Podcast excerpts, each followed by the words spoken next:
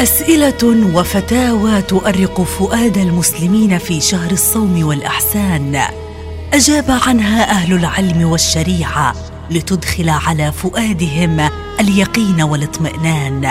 وبين الجواز والنهي والمكروه والمستحب سنقدم لكم قطوفا من الفتاوى الدينية في برنامجكم الرمضاني فتاوى رمضانية.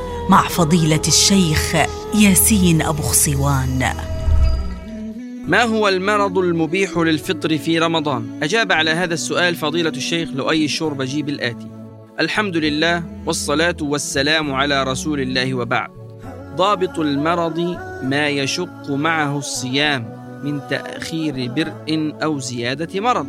وأما الأعراض الخفيفة فلا عبرة بها ولا يجوز الفطر بسببها والله أعلم.